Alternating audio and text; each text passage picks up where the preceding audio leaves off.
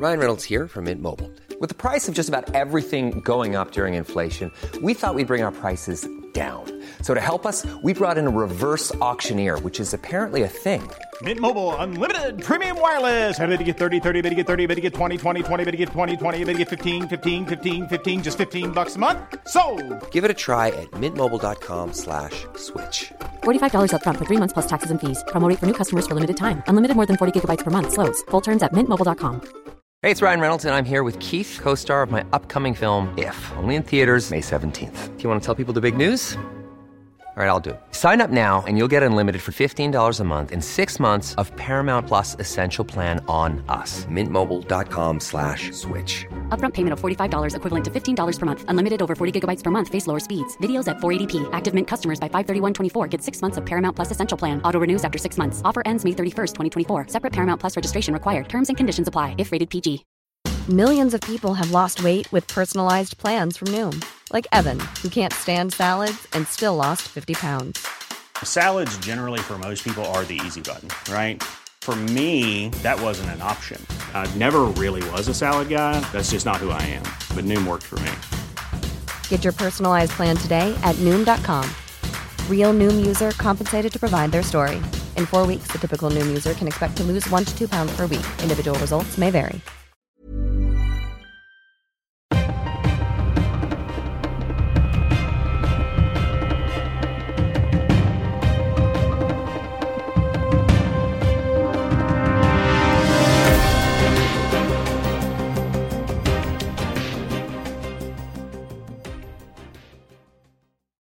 Så, då säger vi än en gång hej och mycket varmt välkomna till ett nytt avsnitt av dagens Juridikpodden. Med i studion är som vanligt jag, William Eriksson, tillsammans med Stefan Wahlberg och idag också med en gäst, advokaten Thomas Olsson. Varmt välkommen. Tack så mycket.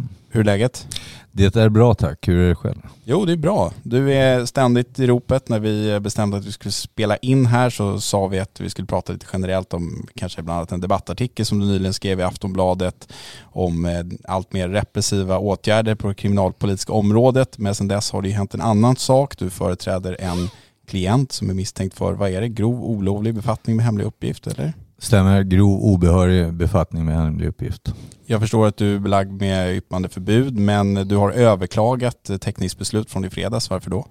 Eh, Vi anser inte att det föreligger sannolika skäl för brottsmisstanken och vi har dessutom gjort gällande att eh, hans eh, rätt att försvara sig mot anklagelserna inte har respekterats vid handläggningen av häktningsfrågan.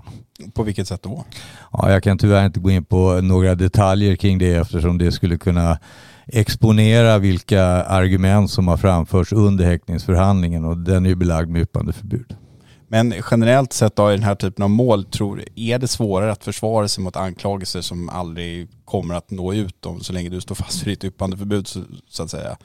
I, I den mån man eh, tror att eh, offentlighetsprincipen har en, en betydelse för att upprätthålla rättssäkerheten så, så är det ju uppenbart att i den här typen av mål eh, så är det svårare att företräda klientens eh, intressen därför att eh, allting sker ju hemligt och, och bakom stängda dörrar. Och, och då kan man ju inte diskutera och eh, värdera vad det är som ligger till grund för olika beslut. Du, vi som då intresserar oss och tillämpar offentlighetsprincipen väldigt mycket i vårt arbete, inte minst för att hålla koll på, som du själv säger, rättssäkerhet och att det går rätt till i våra domstolar enligt vad grundlagen stipulerar om att förhandlingen vid domstol ska vara offentlig som huvudregel och så vidare. Finns det någon bortre gräns på det här hemlighetsmakeriet? Jag menar att hemlighetsmakeri kan vara befogat under en viss period men så småningom bör det ju släppa och ges en viss möjlighet till insyn i vad som egentligen har skett. Skulle du säga att det finns tillfällen där man aldrig har möjlighet att i efterhand granska det som sker bakom lyckta dörrar? Jag skulle vilja säga så här, just det här fallet är ju kanske e-, ett mindre lyckat exempel eftersom redan brottsmisstanken säger ju att det handlar om, om hemliga uppgifter och av eh, den relevanta bestämmelsen så framgår det att det kunde vara till men för Sveriges säkerhet om, om de röjs. Så, så i det, just den här typen av mål så är det ju befogat med ett visst hemlighetsmakeri. Men eh, idag förhåller det sig så att eh, häktningsförhandlingar generellt sett sker ju bakom stängda dörrar och om man då till det fogar att man inte längre ställer krav på åklagarna att de ska redovisa en preciserad eh, gärningsbeskrivning i häktningsframställan tillsammans med att domstolarna inte motiverar sina beslut på annat sätt än att de redovisar relevant lagtext så är det ju uppenbart att, att så som häktningsinstitutet har utvecklats i praxis så, så finns det in, ingen möjlighet för en utomstående att i efterhand granska om en häktningsfråga har handlagts på ett korrekt sätt eh, och med respekt för, för den enskildes rättigheter. Utan det, det är ett eh, totalt svart hål i den svenska process i svenska rättssystemet idag. Samtidigt är det väl så att om vi nu bortser från den typen av mål som du sitter i just nu utan håller oss till vanliga, om jag får kalla det för brottsbalksärenden, i efterhand brukar man, om man, om man har det intresset, nu är det ju så att journalister till exempel har ofta ett intresse för det som händer här och nu, men det är väl i vart fall möjligt att i efterhand granska mycket av den argumentation som har lagts fram, eller bristen på argumentation vid en häktningsförhandling, eller? Nej, jag skulle nog påstå att det, det är, ganska, det, det är nästan till omöjligt. Därför att? Eh, därför att eh, den, det material som presenteras vid häktningsförhandlingen är och då menar jag i bästa fall nu.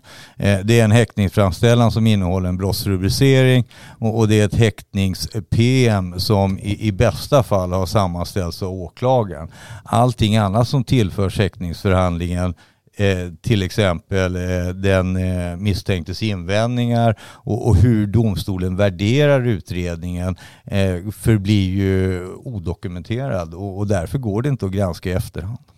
Okej, men om vi går tillbaka till den här typen av ärenden som du då sitter i just nu så, så är det då, om man säger om möjligt ännu värre. Alltså det, det är så här, dagens juridik kommer inte ha en möjlighet att även om åtal skulle väckas emot din klient i det här hypotetiskt få en inblick i hur rättssäkert osäkra de här häktningsförhandlingarna har varit. Är det, är det, är det korrekt uppfattat? Alltså? Ja, just det här fallet är ju lite speciellt eftersom det handlar om hemliga uppgifter och, och därför kan det ju finnas ett större behov av sekretess. Men, men, men jag skulle nog vilja påstå att om man skulle kodifiera praxis, om man skulle ändra häktningslagstiftningen till att motsvara praxis idag så, så skulle lagtexten lyda ungefär så här att Eh, för det fall eh, åklagaren påstår att det föreligger sannolika skäl för någon del av en brottsrubricering så ska personen häktas. Ungefär så lite tillspetsat. Och det har ju ibland framförts kritik mot, jag har själv varit en del av den kören vid något tillfälle, att även omhäktningar sker utan att eh, kravet på ökad bevisstyrka har, har, har kunnat eh, läggas fram. Eh, är det någonting som du upplever som ett, ett del av det här problemet och i så fall på vilket sätt? Alltså, eh, jag tror Dagens Juridik gjorde en, en undersökning av hur många häktningsframställningar som bifalldes eh, för ett antal år sedan och kommer fram till att det låg väl runt 99 procent och, och den siffran har ju förmodligen blivit högre och, och det säger sig själv att en, en, process som resulterar i ett bifall i över 99 procent innebär ingen mera ingående prövning av, av de argument som, som läggs fram. Så att omhäktningsförhandlingar, om, om vi återigen skulle kodifiera praxis, det, det skulle man kunna hålla ja, var sjätte månad kanske. Okej. Okay. Om vi eh, släpper häktningsfrågan lite grann då Thomas och går över till den kriminalpolitiska debatten så, så, skrev du bland annat i en debattartikel här för någon vecka sedan att omfattningen av inskränkningarna har nu nått en sådan nivå att rättsstaten håller på att undermineras. Det är ganska starka ord, jag vet inte, mm. vad, vad menar du med det? Eh, jag menar nog eh, precis det, det jag skriver där att eh, det har genomförts ett, ett antal inskränkningar och, och begränsningar i, vissa, i de grundläggande rättigheterna, inte bara för den enskilda individen utan även när det kommer till rättegångsbalken. Och, och ser man till de här begränsningarna sammantaget eh, så befinner vi oss idag i, i en situation där vi har sått ett embryo till en auktoritär stat. Det är min uppfattning. Man skulle kunna kartlägga en enskild individ ner i detalj idag och, och förse myndigheterna med information om vad en person gör minut för minut. Och, och det är naturligtvis en möjlighet som ska ses i ljuset av hur man idag diskuterar framtiden, vad som kommer att ske i framtiden, nämligen ytterligare inskränkningar och, och en ännu mer auktoritär stat. Och, och, då är vi på ett eh, sluttande plan skulle jag vilja påstå. Men mot, den självklara motfrågan är ju, okej okay, vi tittar på den situationen vi har idag i Sverige, är det inte befogat att göra vissa lagändringar? Du pratar om naivitet och så vidare. Du, du har ingen förståelse för att politikerna vill, vill eh, ha skarpare straff? Eller? Nej, men alltså den kriminalpolitiska debatten idag, den, den vilar ju på tre ben. För först kommer ett primalskrik om hårdare tag eh, och sen kommer en hänvisning till hur man gör i andra länder och, och så slutar det med, med ett lagstiftningsförslag där man begränsar de grundläggande rättigheterna. Och, och ser man på utvecklingen i, i den kriminalpolitiska debatten idag så är det ju Sverigedemokraterna som sätter upp målsnöret i backen och, och de andra befinner sig på ett mer eller mindre sluttande plan eh, där man då ska föreslå andra strängare åtgärder än vad Sverigedemokraterna eh, föreslår.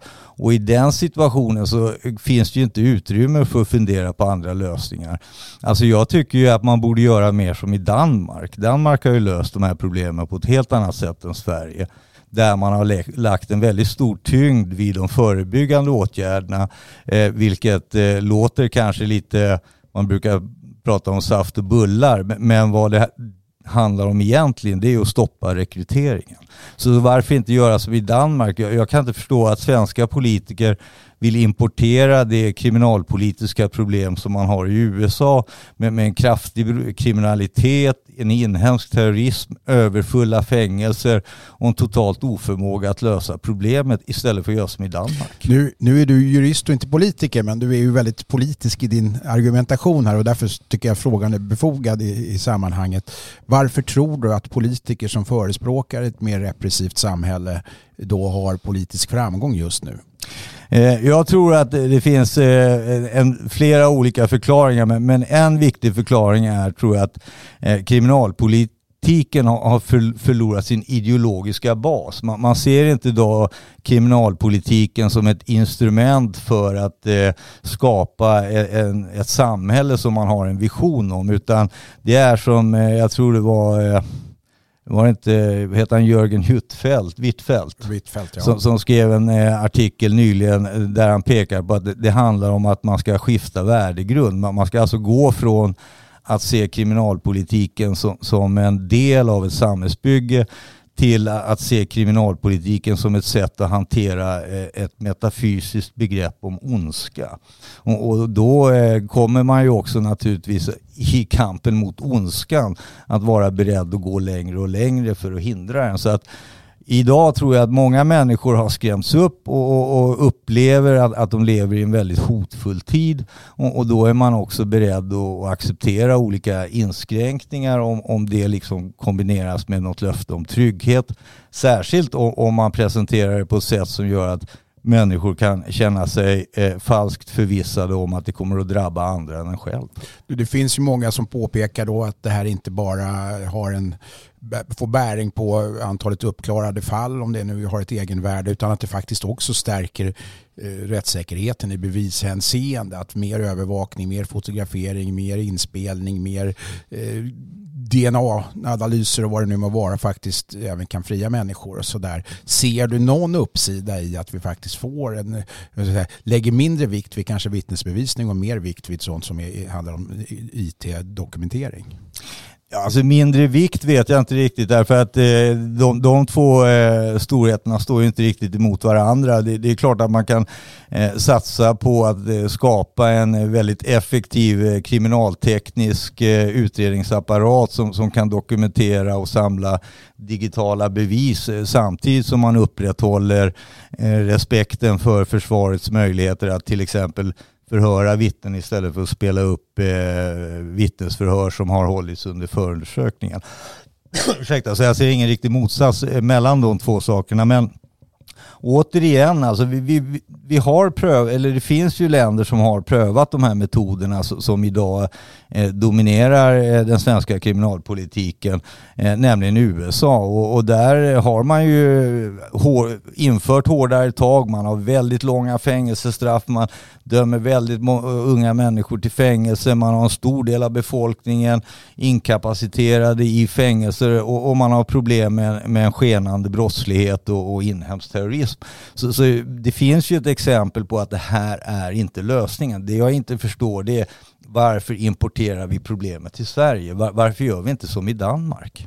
Men när du säger varför gör vi inte som i Danmark, det har ju pratats om danska straff för svenska brott och sådär. Danmark har ju inte av de svenska politikerna lyfts upp som något saft och bulleland direkt, utan snarare ett land med, med hårdare tag där man har fått bukt med problemen. Men du, du beskriver lite tvärt emot. Ja, absolut. Danmark har infört eh, genom de här bandepackerna eh, hårdare straff, men, men de har ju också avsatt stora resurser till att, att arbeta före förebyggande och då menar jag inte mer att man, man eh, talar om att arbeta förebyggande utan här handlar det om att avdela resurser i form av poliser, socialtjänst, skola.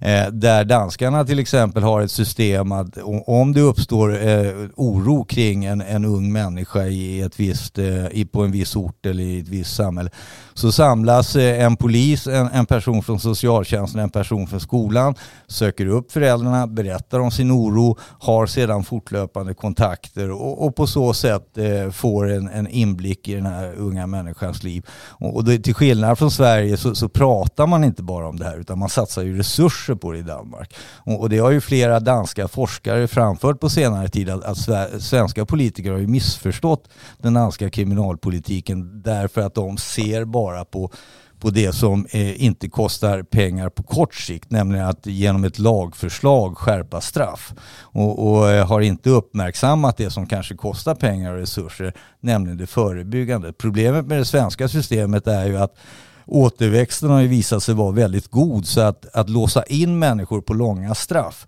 kan ju på marginalen kanske påverka brottsligheten i så mått att just den personen kan inte fortsätta begå brott. Men, men om återväxten innebär att två nya tillkommer så kommer ju det här problemet att växa och växa och växa ända tills dess att det blir helt ohanterligt. Alldeles oavsett om det blir ohanterligt i så mått att kriminalvården inte längre kan ta hand om de personer som döms till fängelse eller, eller att eh, gängen växer sig så, så, stora så att man inte längre har kontroll över dem. Men, men, hur ska det hanteras här och nu? Alltså, förebyggande åtgärder i all ära, det är någonting som sker på sikt. Men här och nu så har vi onekligen ett gigantiskt problem i Sverige. Det är ju ingen tvekan om det. Kriminalitet vi aldrig har sett, varken under din eller min tid i den här branschen. Va? Va, vad ska man göra åt det här och nu? Att det ja men det är ju här och nu. Det är ju precis ja. här och nu man ska, att, att, att, tillsätta, att tillsätta en utredning, göra ett lagförslag, fördubbla straffen eh, och inte tillföra kriminalvården några resurser. Det är ju ingen lösning här och nu. Det, det, är ju någonting som kanske visar sig om, om tio år när, när fängelserna är överfulla och, och, vi får in de här amerikanska problemen. Här och nu så ska man ju se till att, att polis, socialtjänst, skola tillförs alla de resurser som krävs för att de ska kunna arbeta med de ungdomar som eh, är i riskzonen och, och deras familjer på det sätt som man till exempel gör i Rinkeby, eller har gjort i Rinkeby tidigare, där man då har lyckats eh, stävja den utvecklingen som fanns med ökad våldsbrottslighet under många år. Och, och precis, det är ju precis på det sätt som Danmark gör. Så att här och nu finns det ju allt att göra. För att minska och eliminera återväxten ja, men trots allt, hur ser den polisoperativa, det polisoperativa receptet ut för att komma till rätta med de, de kriminella som här och nu skjuter och spränger? Det är det jag lite grann efterlyser ett svar på. Ja men alltså om, det, om, polisen vill komma åt de som skjuter och spränger så, så, är grundproblemet idag att det finns ett antal personer som är väldigt drivande i den här utvecklingen. De personerna befinner sig utomlands och, och, och liksom verkar i skydd av, av, en stat, nämligen Turkiet.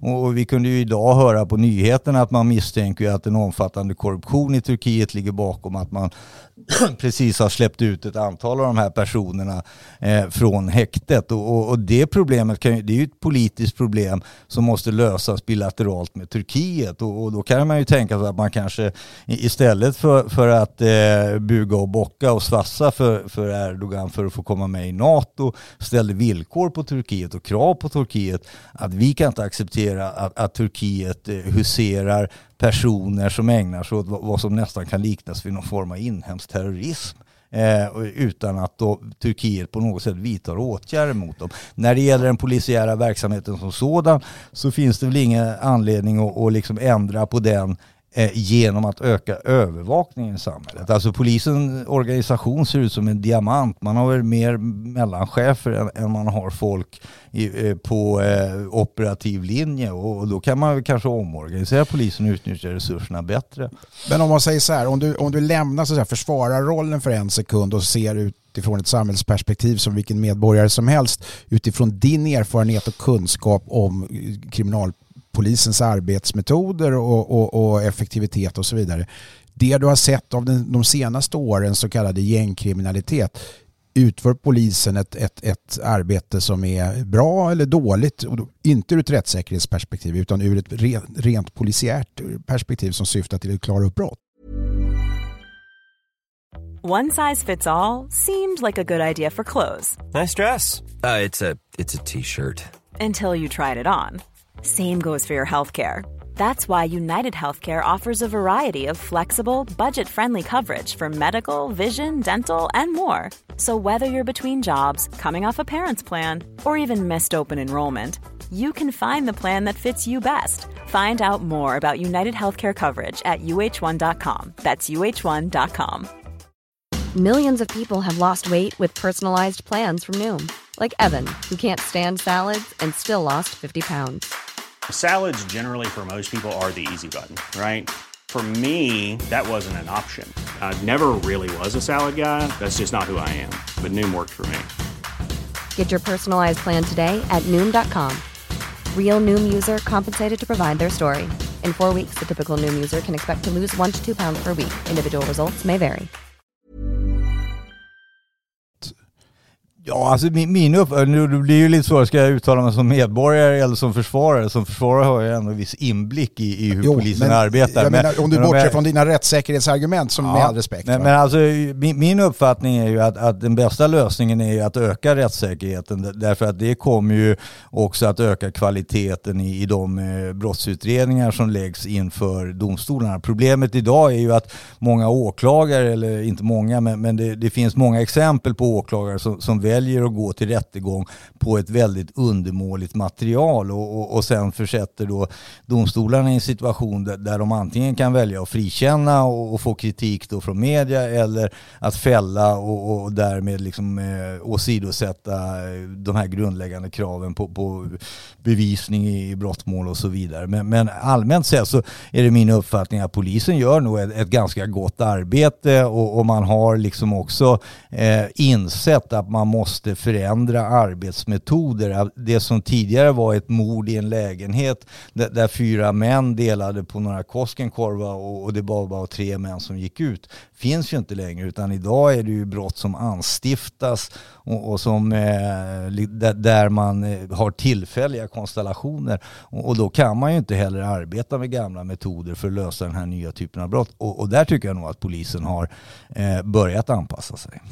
Jag skulle vilja gå tillbaka lite till den här trygghetsfrågan. För jag tolkar det lite som att du eh, menar att det politikerna hänvisar till snarare är, är mer en upplevd otrygghet än en faktisk otrygghet. Är det så? Ja, absolut.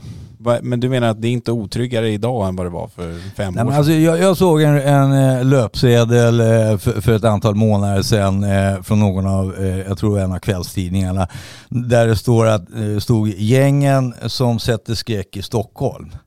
Och jag gjorde en helt ovetenskaplig eh, undersökning och ringde till 10-15 av mina bekanta och, och frågade eh, om de lever i skräck för något gäng. Och, och, och ingen av dem gjorde det. Nu, nu ska det ju tilläggas att de flesta av de här människorna bor ju inne i centrala Stockholm. Så, så man kan inte jämföra med hur det kanske är att bo i en av de förorter där den här problematiken är väldigt stor eh, och, och, det finns eh, mycket kriminalitet kring olika gäng.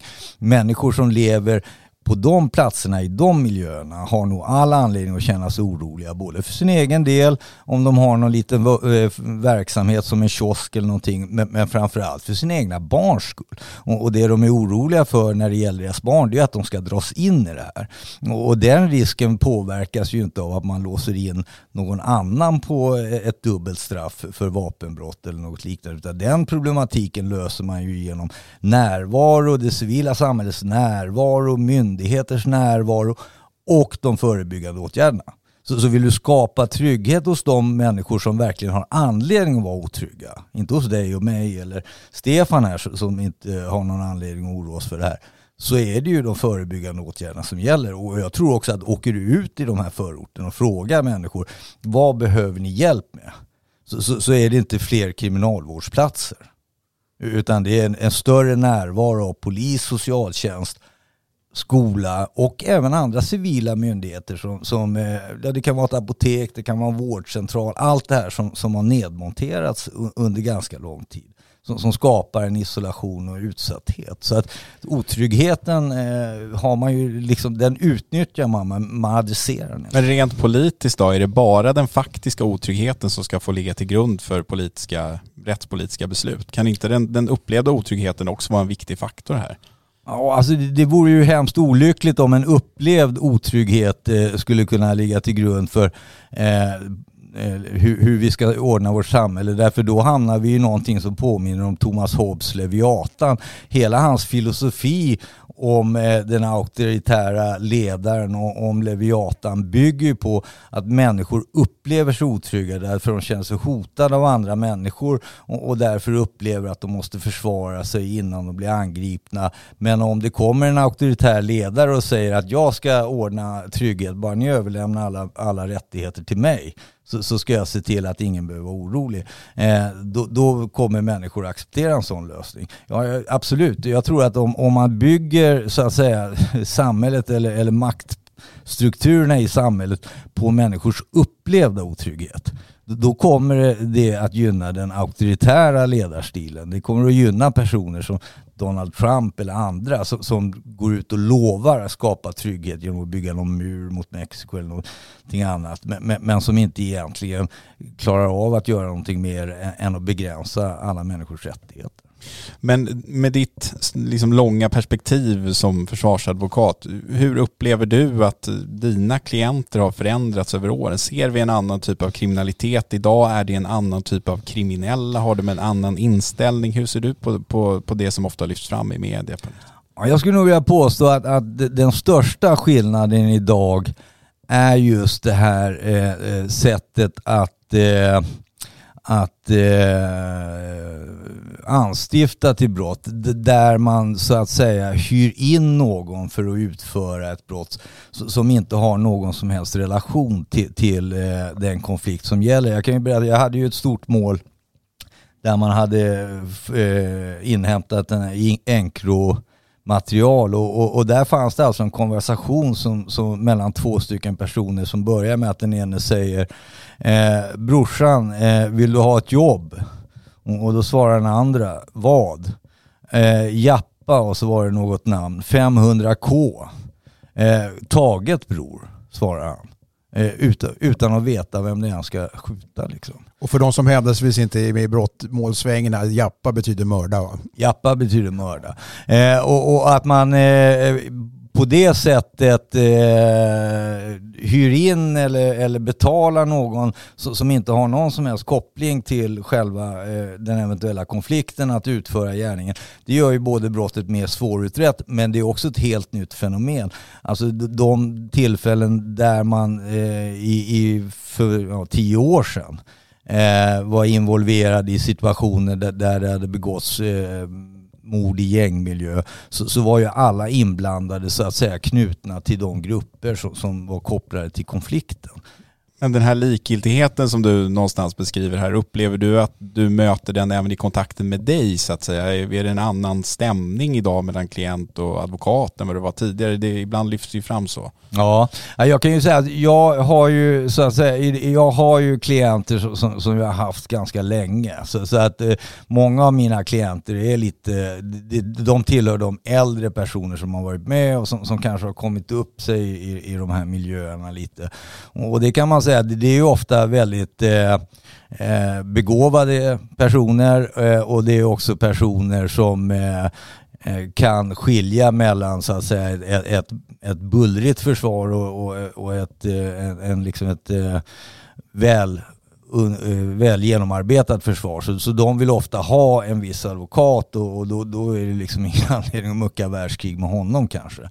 Jag har inte så stor erfarenhet av de här väldigt unga. Jag har träffat några stycken. Och, och, och det skulle jag nog vilja påstå att där har jag kunnat se en, en, en attityd som inte för min del eh, alla gånger har varit godtagbar. Och, och där har man då fått säga till på, på skarpen att, att jag vill inte att det språkbruket eller den attityden finns i, i vårat samarbete utan då får du välja en annan advokat om, om du ska tilltala mig på det sättet. Eh, så att det, absolut, det, det, det, det, kan finnas en sån tendens. Det, det håller jag med om. En, en, en sorts eh, en, en sorts eh, större arrogans. Alltså. Du nämnde själv eh, Encrochat här alldeles nyss det var någonting som du inte bara var starkt kritisk mot under den här rättegången utan också pekade på och, och påpekade var olagligt enligt svensk rätt. Mm. Kan du utveckla det? Ja, det hävdar jag fortfarande och eh, det, det som det handlar om är ju att man har använt sig av eh, hemliga tvångsmedel i form av dataavläsning eh, mot en eh, obegränsad grupp av användare eh, knutna till en viss eh, eh, kommunikationstjänst. Och eh, i princip ingen av de här personerna som man har använt det här tvångsmedlet mot har vid, tidpunkt, vid den tidpunkten varit misstänkta för några brott. Utan eh, den rättsliga grunden för åtgärden är ju att de som drev Encrochat, alltså själva företaget, var, var misstänkta för brott. Men inte någon av av brukarna Encrochat. Eh, och då kan man konstatera att enligt svensk rätt så, så, finns det ingen rättslig grund för att använda ett tvångsmedel på det sättet. Det är som om du skulle använda hemlig dataavläsning mot alla Telias abonnenter eller något liknande. Eh, och då så säger ju lagen att för det fallet eh, en, en annan europeisk stat eh, eller EU-stat eh, vill använda sig av den typen av tvångsmedel i Sverige då ska de ha en svensk domstols godkännande och en svensk domstol får bara godkänna det om det är möjligt att göra så enligt svensk lag och i det här fallet är det ju inte möjligt. Eh, så det innebär ju att eh, den, den franska åtgärden var olaglig i Sverige. Och då finns det en bestämmelse i lagen om hemlig dataavläsning som säger att om man har inhämtat eh, information genom hemlig dataavläsning utan lagstöd så får inte det användas som bevis i en brottsutredning eller i ett brottmål. Och, det, det, är ju den juridiska konstruktionen kring den här frågan som, som vi eh, hänvisar till. Och, och, sen finns det vissa andra frågor eh, som eh, också gör att man kan ifrågasätta mm. lagligheten Vi ska, vi kan förtydliga där, den, det du säger att den inte får användas om den är olagligt tillkommen är ju ett undantag. För att normalt Nej, har vi den, tillkommen utan lagastöd. Nej, utan lagastöd. Mm. Och den tar bland annat sikte vet jag på om en åklagare interimistiskt har fattat beslut och en domstol sen konstaterar att att det här var olagligt. Va? Precis. Men i, i svensk rätt så råder ju normalt den här fria bevis, bevismöjligheten och det är inte nödvändigtvis så att en olagligt eller olovligt tillkommen bevisning inte får åberopas. Men här finns det ett uttryckligt lagstöd för ditt påstående. Det är väl ja, bara det, tydliga det för, för lyssnarna. Va? Ja, exakt. Men nu blev det inte så. Om jag inte minns fel i, i, i ditt mål så var det väl så att Svea hovrätt istället valde att tillmäta bevisningen ett lägre bevisvärde därför att man inte hade kontroll över hur tillkomst, uppkomstbetingelserna och sådär var. Ja, nu, det första målet jag hade eh, rörande det här där vi så att säga framförde, eh, vi, vi, jag skulle säga då, vi, vi, när vi såg de här eh, förundersökningarna med Encro så, så blev vi ju liksom fundersamma, vad, vad, vad är det här för typ av bevisning? Vad, vad kommer den ifrån? Vad, vad, vad är det för uppkomstbetingelser? Betingelser. Det, det fanns ju ingen information om det här. Så, så, vi satt ju, vi gick ihop några eh, kollegor och jag. Alltså det var jag och så var det advokat Johan Gran, eh, advokat eh, Tygel, så var det advokat Filip Rudin och advokat Max Ahlgren. Så vi hade olika mål. Vi hade ett mål i Göteborg, ett i, i Stockholm och ett i Örebro så, som eh, innehöll då Encrochat-beviset. Så gick vi ihop i, i, en grupp och så delade vi upp uppgifterna. Så, så gjorde vi verkligen ett gediget arbete och då visade det sig att eh, frågan hade ju rättsligt sett belyst ganska ingående i Storbritannien så, så det var ju så vi liksom kom där själva systemet på spåren. Eh, och, och, det som eh, vi framförde då, det var ju den här invändningen i Göteborg och, och sen var det några av kollegorna som framförde den i Örebro och, och några andra kollegor som, som framförde den i, i Stockholms tingsrätt. Och då var väl domstolarna i första eh, instans här så, så, var de ju rätt brydda. Det, det, var ju uppenbart att de inte förstod den här invändningen i, i Göteborgs tingsrätt så, så lyckades de till och med missförstå hela grunden genom att påstå att, att alla var överens om att det här skulle varit lagligt i, i, i Frankrike och så vidare.